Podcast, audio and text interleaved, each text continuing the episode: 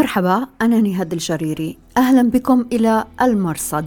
في هذا البرنامج نتابع أخبار العالم المظلم من الجهاديين إلى عالم الإنترنت المعتم والجريمة المنظمة. أهلا بكم في راديو وتلفزيون الآن. بودكاست على راديو الآن. أهلا بكم إلى حلقة هذا الأسبوع من المرصد. نغطي فيها الفترة من 12 إلى 18 ديسمبر 2022 إلى العناوين. نساء القاعدة لداعش عجزتم عن صيانة نسائكم. دفن بيرق جهادية في مرتبة قيادية لم تقل كل الحقيقة عن داعش. مراجعة دفنة في الميزان كيف تنصلت الجهادية؟ زوجة العميل الثلاثي همام البلوي من داعش وتطلب اليوم النجاة. مع انتهاء مونديال كأس العالم داعش والجهل يتهددان المسلمين. والعالم يعتذر. وهل تحضر هيئة تحرير الشام للانسلاخ عن تركيا؟ نتحدث هذا الأسبوع إلى الباحثتين من تونس منيا العرفاوي الصحفية الاستقصائية شاركت في تأليف كتاب النساء والإرهاب دراسة جندرية بالشراكة مع الدكتورة أمل جرامي. ومن المغرب أمينة الرفاعي الباحثة في مكافحة التطرف في جامعة مولاي إسماعيل في مكناس. المرصد بودكاست على أخبار الآن. للتواصل مع البرنامج يرجى الكتابة إلى نهاد جريري على تويتر وتليجرام وفيسبوك أو ترك رسالة في زاوية التعليق على رابط هذه الحلقة. وبإمكانكم الرجوع إلى نص هذه الحلقة في أخبار الآن dot net. المرصد. في عجالة نبدأ من مونديال قطر. قدم تلفزيون Welt الألماني أي العالم اعتذارا لجمهور المغرب بعد تعليق وصف بالعنصرية على صورة ظهر فيها لاعبو المنتخب وهم يرفعون السبابة أو الشاهد. ضمن فقرة للتعليق على فوز المغرب على البرتغال ساوى المعلق بين هذا السلوك وسلوك داعش إذ يظهرون في إصداراتهم وهم يرفعون السبابة بعد نهب أو نحر. الباحث في الجماعات الجهادية إيرون زيلن علق عندما يكون داعش هو مرجعيتك عن الدين للأسف. هذا ما يحدث عند معظم الغرب. المرصد. صدر في ديسمبر العدد 27 من مجلة ابنة الإسلام التي تنشرها مؤسسة بيت المقدس قاعدية الهوى برعاية أبي قتادة الفلسطيني. لفت في المجلة مقال طويل كتبته حنين الماجد بعنوان حفظ النساء من دعوات المبتدعة. تعليقا على خبر العثور على جثتي فتاتين مقطوعتي الرأس في مخيم لداعش في سوريا في نوفمبر الماضي. المقال يهاجم نساء داعش وقيادته. تقول الماجد أكثر جماعة استهانت بأعراض المسلمين وأوغلت في استقطاب النساء وتوظيفهن في خطابها الدعائي هي جماعة تنظيم الدولة. وفي نفس الوقت كانت أفشل جماعة عجزت عن صيانة نسائها من الوقوع في يد الملاحدة والمرتدين. تضيف الماجد المطلع على تاريخ النشاط النسائي في الحركة الجهادية يدرك جيدا أن ما أحدثه تنظيم الدولة كان يعد سابقة مفجعة لم يسبقه لها أحد ولا جماعة. فأعراض المسلمات كانت خطا أحمر عند قيادات الجهاد وإقحام المرأة في قضايا التجنيد والاستقطاب لم يكن يجيزه علماء الجهاد خشية على أعراض المسلمين وفتح الباب أمام الاستخبارات والقوات الأمريكية في استباحة أعراض كل المسلمات. وتنتهي الماجد إلى أن رجالا يدعون تطبيق الشريعة فشلوا في تطبيقها في مساحة بيوتهم فظلموا النساء والأبناء وتعدوا الحدود فكيف يستأمن من لم يحفظ حق أسرة على حق أمة؟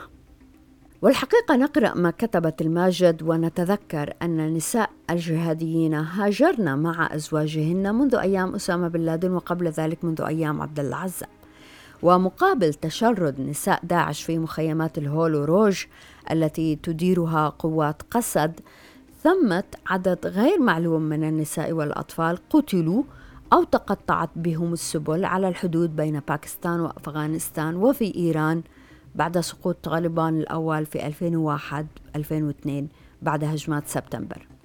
ثم إن أبا مصعب الزرقاوي وكان قاعديا وقتئذ هو من بدأ تقليد استخدام النساء في القتال كانتحاريات. ولا ننسى كيف استغل بوكو حرام في نيجيريا النساء والأطفال كانتحاريين. وكان تنظيم بوكو حرام مبايعا للقاعدة فلم نسمع كلاما من القاعدة إذا ونحن نستذكر هذه الشواهد نسأل هل القاعدة مؤتمنون على النساء أكثر من داعش؟ علامة استفهام وعلامة تعجب في أرشيف أخبار الآن سلسلة بعنوان القاعدة المهجورة وفيها قصص نساء وعائلات القاعدة اللواتي تركن وحيدات. وبعد قليل نسلط الضوء على مقابلة أجراها فريق أخبار الآن في شمال سوريا مع دفنة بيرق. الجهادية الداعشية المخضرمة زوجة العميل الثلاثي همام البلوي مفجر خوست. نتحدث عن دور دفنة في تدعيم تنظيم داعش وكيف تتنصل منه اليوم. المرصد بودكاست على أخبار الآن. قدم داعش تفاصيل أخرى حول الهجوم الذي استهدف فندقا صينيا في العاصمة الأفغانية كابول في 12 ديسمبر. صحيفة التنظيم الأسبوعي النبأ في عددها رقم 369 الصادر الخميس 15 ديسمبر قالت إن المهاجمين وليس مهاجمين اثنين وحسب نزلوا في الفندق بهويات مزورة قبل تنفيذ الهجوم. كان ظهر مهاجمان اثنان وهم يعلنان البيعة لخليفة داعش المزعوم الجديد. لفت المحيط الذي ظهر فيه وهنا استنتج الصحفي في BBC Monitoring بول براون أن الأثاث الظاهر هو فعلا أثاث الفندق كما يبدو في موقع Booking للحجوزات الفندقية عبر العالم. الأهم أن داعش يقول إن الهجوم جاء انتقاما لمسلمي الصين الأويغور وهنا تلفت مينا اللامي الصحفية المخضرمة في BBC Monitoring أن هذا الهجوم كان فرصة وحسب. حيث أن مأساة الأويغور نادرا ما تظهر في إعلانات داعش الرسمية. بودكاست على أخبار الآن.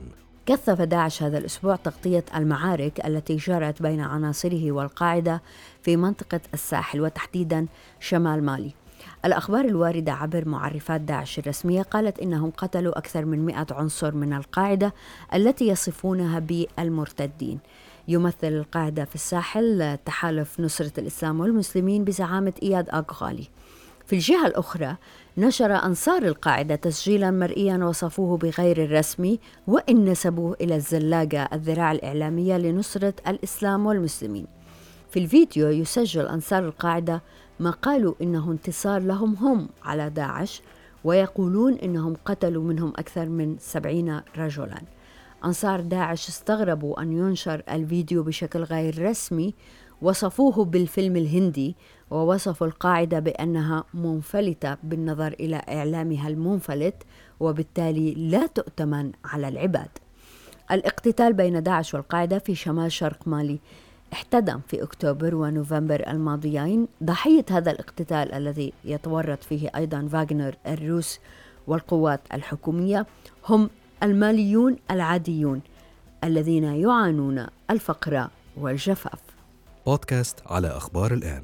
مرت خمسة أشهر تقريبا على إعلان أمريكا قتل زعيم تنظيم القاعدة الدكتور أيمن الظواهري في كابول في اليوم الأخير من يوليو 2022 التنظيم لا يزال صامتا حول مصيره حيا كان أم ميتا. وهذا سؤال مطروح في مجموعات أنصار القاعدة على التليجرام إذ لا ينفكون يحاولون الرد على داعش. المهم أن السؤال مطروح. لفت منشور يقول هناك سؤال يتكرر في كل وقت عند الدواعش لماذا لا تعلنوا عن زعيمكم الجديد أنتم الآن تقاتلون بدون أمير ربما يوجد صراعات داخلية.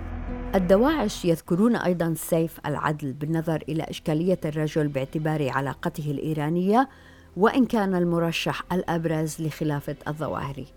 يرد كاتب المنشور الجواب بكل بساطة أن تنظيم القاعدة لم يعلن الخلافة والإمامة العظمى ويفتئت على الأمة علشان يكشف عن مصير الدكتور أيمن الظواهري. ويضيف أنتم لا تسألون عن مصير الظواهري حبا فيه أو في تنظيم القاعدة بل تريدون أي خبر من أجل توريط طالبان فقط. صدق كاتب المنشور. مصير الظواهر يخص تنظيم القاعدة لكن كما أن أنصار القاعدة ينتقدون داعش وخليفتهم مجهول الهوية كذلك أنصار داعش ينتقدون القاعدة وأميرهم مجهول المصير. وأخطأ كاتب المنشور فالجواب ليس بسيطا. بعيدا عن المسألة الفقهية المتعلقة بالامامه العظمى قد يسأل سائل وماذا عن البيعة لأمير؟ أسامة بن لادن وبعده الظواهري بايعا طالبان مثلا وكذلك أمراء القاعدة بايعوا بن لادن والظواهري. وهل ثمة بيعة تجمع مقاتلي نصرة الإسلام والمسلمين مثلا بزعيمهم إياد أغالي الذي أعلن البيعة للقاعدة ممثلة بعبد الملك دروكديل الزعيم السابق للقاعدة في المغرب الإسلامي والذي بدوره بايع الظواهري؟ وعلى ذلك قس بالنسبة للأفرع الأخرى التي فيها مقاتلون يتقاضون رواتب ويأتمرون بأوامر أمراء في أمورهم القتالية والحياتية هم وأسرهم، أليس للبيعه قيمة؟ أليس الأمير معلوم؟ مسألة أخرى لافتة في المنشور هي توريط طالبان، ومرة أخرى قد يسأل سائل إن كان الظواهري حي أليس حريا بالتنظيم الإعلان عن ذلك لتخفيف الضغط على طالبان وإحراج أمريكا؟ في المحصلة تأخير الإعلان عن مصير الظواهري إن كان حيا خطأ استراتيجي وإن كان ميتا فهو مؤشر على ندوب القيادات وربما خلافات داخلية. نعم. بودكاست على أخبار الآن. على خلفية أنباء عن تقارب سوري تركي برعاية روسية لفت هذا الأسبوع أمران في هيئة تحرير الشام التي تسعى إلى تعزيز وجودها في إدلب وما بعد إدلب شمالا. أولا احتفت الهيئة بعملية إنغماسية ضد قوات النظام السوري في ريف حلب الغربي. لكن معارضي الهيئة علقوا بأنها مكياج يستر الواقع المظلم ومسرحية كما أشار حساب المحامي عصام خطيب الذي كتب السيناريو. فيه يقول أحد الهيئة معلم أمورنا لايصة اليومين ومضطرين نعمل عملية إنغماسية نمشي حالنا فيها هالفترة. ثانيا تحدث القيادي الأبرز في الهيئة عبد الرحيم عطون أبو عبد الله الشامي عن علاقة الهيئة بتركيا. هو ينتقد تركيا ولكن بالقدر الذي لا يقطع حبل الود. في نفس الوقت هو يستثمر ما قد يصدر عن تركيا من أجل استقطاب الدعم لمشروع الهيئة بالسيطرة على كل المناطق الخارجة عن سيطرة النظام في إدلب وحلب وحتى عزاز. في منشور طويل بعنوان نحن بين قوسين الثورة وتركيا والنظام يقول عطون هذه اللقاءات سواء كانت للاستهلاك الإعلامي أو لتمرير مرحلة أو مثلت توجها لدى القيادة التركية فعلينا أن نعلم أن تركيا من الأساس لا تتحرك إلا وفق مصالحها الوطنية والقومية كما بقية الدول. ويضيف عطون تتقاطع بعض مصالح تركيا مع الثورة. نعم ولكن لدى تركيا مصالح مع روسيا. وأخرى مع إيران وثالثة مع الغرب الأوروبي والأمريكي ورابعة مع المحيط العربي وخامسة وسادسة كما لديها مصالحها الداخلية. وعليه يخلص عطون إلى أنه فليتحرك التركي وفق ما يرى من مصالح. ولنتحرك نحن جميعا وفق مصالح وأولويات ثورتنا. لا أقول هذا لجماعة أو تنظيم معين بل لعموم قوى الثورة كموقف عملي يمكننا الانطلاق منه ازاء ما يمكن أن يصدر عن تركيا. بودكاست على أخبار الآن. نشر مركز جسور للدراسات تقريرا بعنوان موارد هيئة تحرير الشام التقديرات الراهنة والآفاق المستقبلية قام عليه الباحث خالد التركاوي مستندا إلى مقابلات ومقالات البحث مهم لأنه يربط موارد الهيئة ونفقاتها المتوقعة مع خططها التوسع شمالا كما حدث في أكتوبر الماضي. يلفت في حساب الموارد تقدير ما تجنيه الهيئة من الاستثمار في المحروقات مثلا بأنه يصل إلى ثلاثة ملايين ونصف المليون دولار سنويا يضاف إليها خمسة ملايين سنويا من الاستثمارات وتنمية الأموال. في المقابل يلفت التقرير إلى أن إنفاق الهيئة يصل إلى 30 مليون دولار سنويا. وعليه يخلص التقرير إلى أنه وبالنظر إلى تصنيف الهيئة على قوائم الإرهاب وعدم إمكانية استقطاب دعم مالي دولي فإن النفقات التي تتكبدها الهيئة بالكاد يتم تغطيتها من هذه الموارد مما يجعلها تفكر في جمع موارد من خارج مناطق سيطرتها وهو ما يفسر الهجوم الذي قامت به على عفرين أواخر أكتوبر الماضي. بودكاست على أخبار الآن. أهلا بكم دائما في راديو وتلفزيون الآن. نرحب هذا الأسبوع بالباحثتين من المغرب أمينة الرفاعي الباحثة في مكافحة التطرف آه، في جامعة مولاي إسماعيل في مكناس ومن تونس منيا العرفاوي الصحفية الاستقصائية المتخصصة في تتبع الحركات الجهادية. الجهاديات تحديدا شاركت في تأليف كتاب النساء والإرهاب دراسة جندرية بالشراكة مع الدكتورة أمال الجرامي شكرا جزيلا لوجودكما معنا في البرنامج وتلبية الدعوة في وقت قصير. شكرا. مرحبا شكرا على الاستضافة. أبدأ بالأستاذة أمينة. ما أكثر ما لفت انتباهك في مقابلة دفنة بيرق؟ آه، دفنة من إعلاميات داعش الوازنات آه، حتى قبل أن تهاجر إلى داعش وهي زوجة الجهادي الأسطورة. ما أكثر ما لفت انتباهك في هذه المقابلة؟ آه، مرحبا شكرا جزيلا على الاستضافة. فصراحة آه، قصة أو آه، حكاية دفن علاء الدين برق هي حكاية متميزة عن باقي مسارات النساء الجهاديات. فمثلا عندما اشتغلت على الجهاديات الأخريات هناك منهن من التحق بصفوف داعش أو ببؤى التوتر. آه، عن طريق آه، عن طريق تأثير من أشخاص آخرين أو عن طريق التواصل المستمر مع جماعات جهادية إلى حد ما. لكن دفنة هي كانت آه، تشتغل كصحفية على إشكالية الجهاديين ثم فيما بعد تقتنع. فهذه تعد نقطة مفصلية للتفكير في مسار الجهاديات باعتبار أن دائما ليس مسار الجهاديات هو مسار ضحية بل أيضا النساء لهن أدوار عديدة ومتميزة في تشكيل تفكير جهادي أو أيضا في كيفية في كيفية الذهاب إلى بؤر التوتر من أجل المشاركة أو مشاركة أو وضع سلبي لا يهم. المهم أنه كيف يمكن لشخص أن يتأثر ويذهب بشكل سلس؟ يطرح مجموعة من التساؤلات. ونفس السؤال للأستاذة منيا ما بعرف شو أكثر شيء لفت انتباهك فيما قالته دفنة؟ أه لنبدأ بقصة دفنة بيرق. أه دفنة بيرق هي يعني نقطة مهمة في صيرورة الجهاد ككل كفكرة الجهاد ككل لأنها آه، جربت القاعدة ثم داعش. وتلك النقطة آه، المفصلية كانت واضحة جدا في اعترافاتها. آه، داعش هي نسخة متطورة جدا من القاعدة ومشوهة بشكل أكبر. وربما مسألة وجودها على الأرض في إطار ما كان يسمى بالدولة الإسلامية وبداية تشكل ذلك المجتمع الجهادي الذي ربما لم يتكم لم يتمكن من التشكل بشكل واضح وجلي مع آه، تنظيم القاعدة. آه الذي بقي متمركز ربما في مكان معين من العالم اللي هو أفغانستان وكان منتشرا في دول أخرى كفكرة.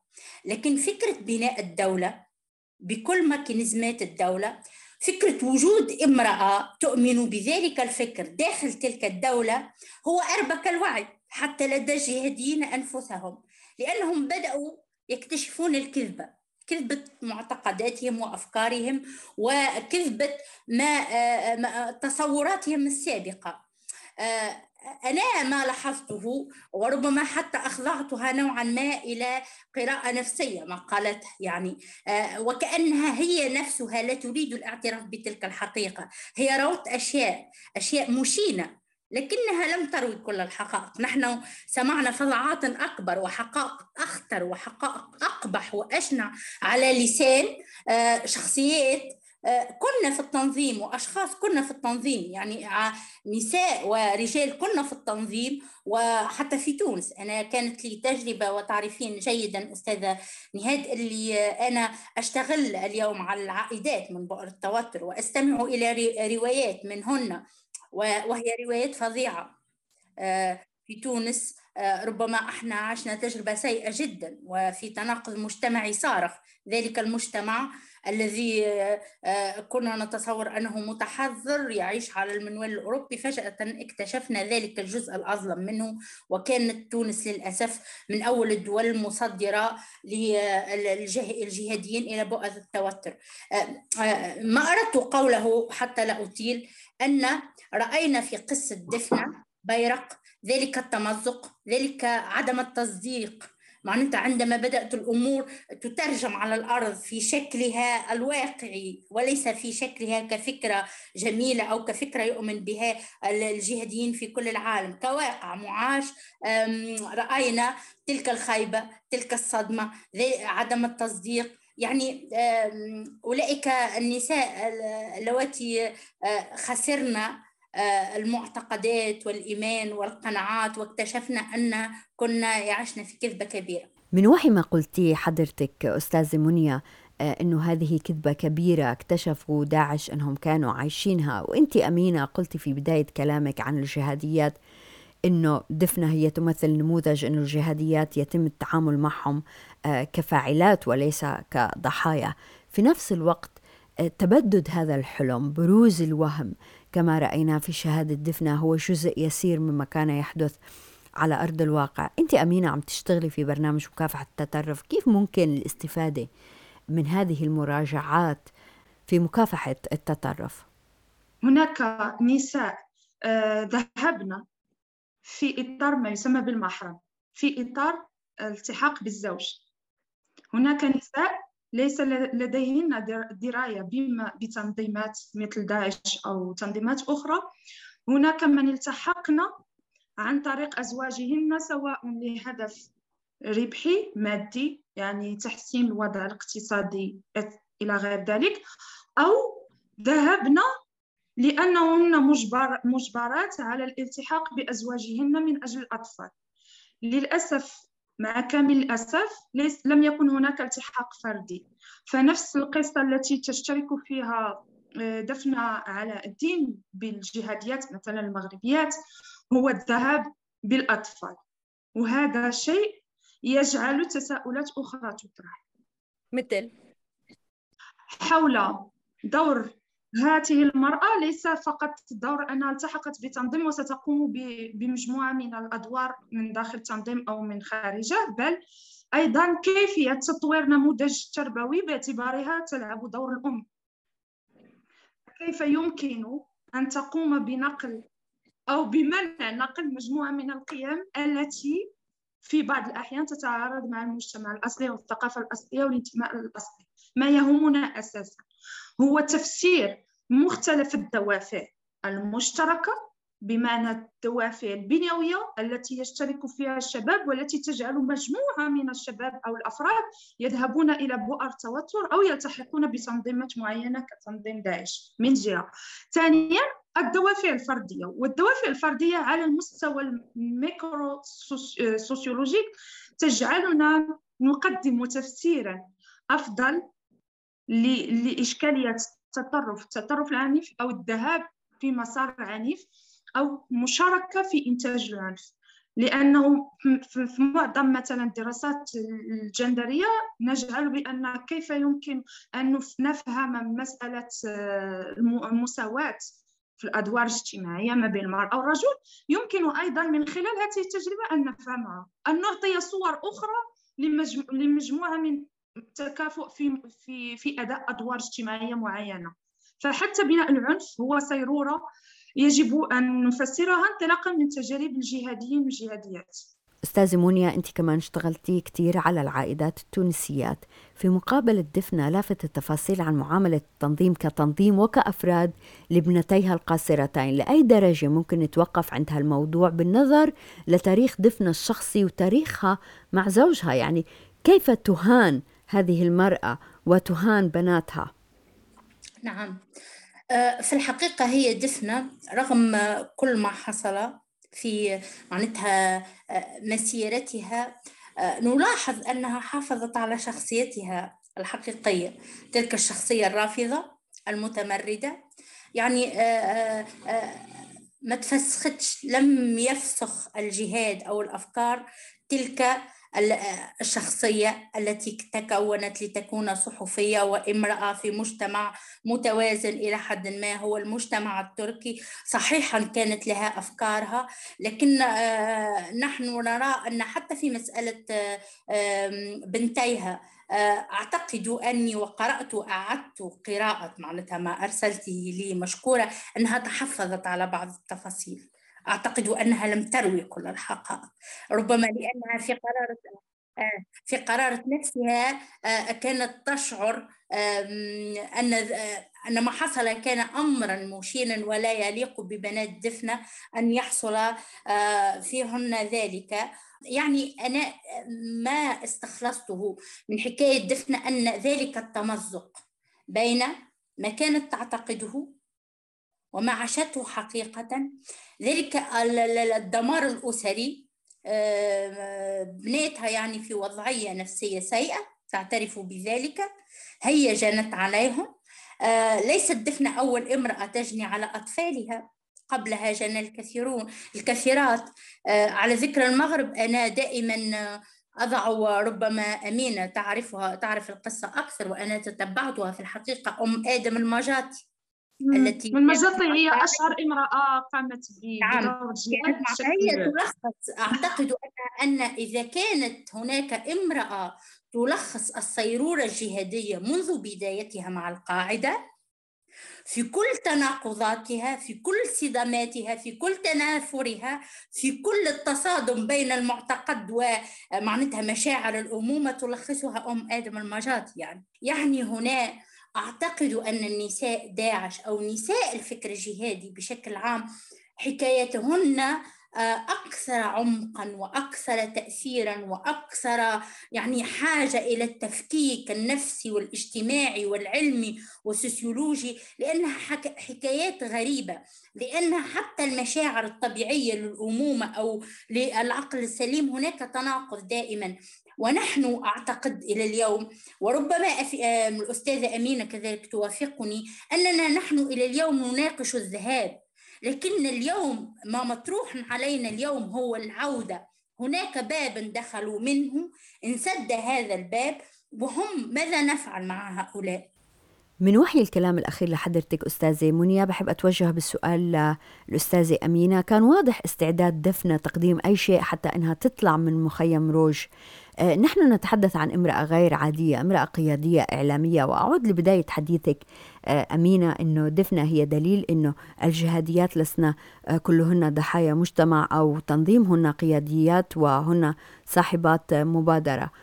خلاصة من عندك من وحي هالكلام. حسنا. هي هي صراحة كما قالت أستاذة منيا هناك هناك نقط فارغة في حكاية دفنة.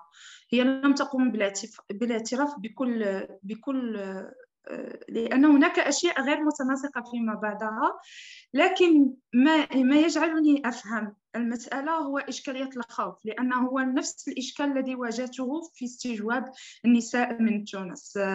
إشكالية الخوف إشكالية الخوف من داعش من من ما يمكن أن يصدر عن داعش. ثاني ثاني شيء هو مسألة دفنة لا تشعر وكأنها لا تريد الاعتراف بأنها أيضا تساهم. ساهمت في بناء آه، تفكير جهادي. ساهمت في التأثير. هي تجعل نفسها وكأنها ضحية لكل لكل المراحل التي عاشتها سواء في تركيا أو عندما انتقلت إلى إلى الأردن وبعدها إلى إلى داعش. مسألة عدم الاعتراف وكأننا دائما ضحايا للآخر دائما ضحايا للوقائع والتاريخ. إلى غير ذلك يجعل أمر التفكير في العودة تفكير في إدماج أمر أصعب. الأستاذة أمينة الرفاعي من المغرب والأستاذة منيا العرفاوي من تونس شكرا جزيلا لكما. وشكرا جزيلا لوجودكم معنا في راديو وتلفزيون الآن. أنا نهاد الجريري مع السلامة. المرصد بودكاست على أخبار الآن.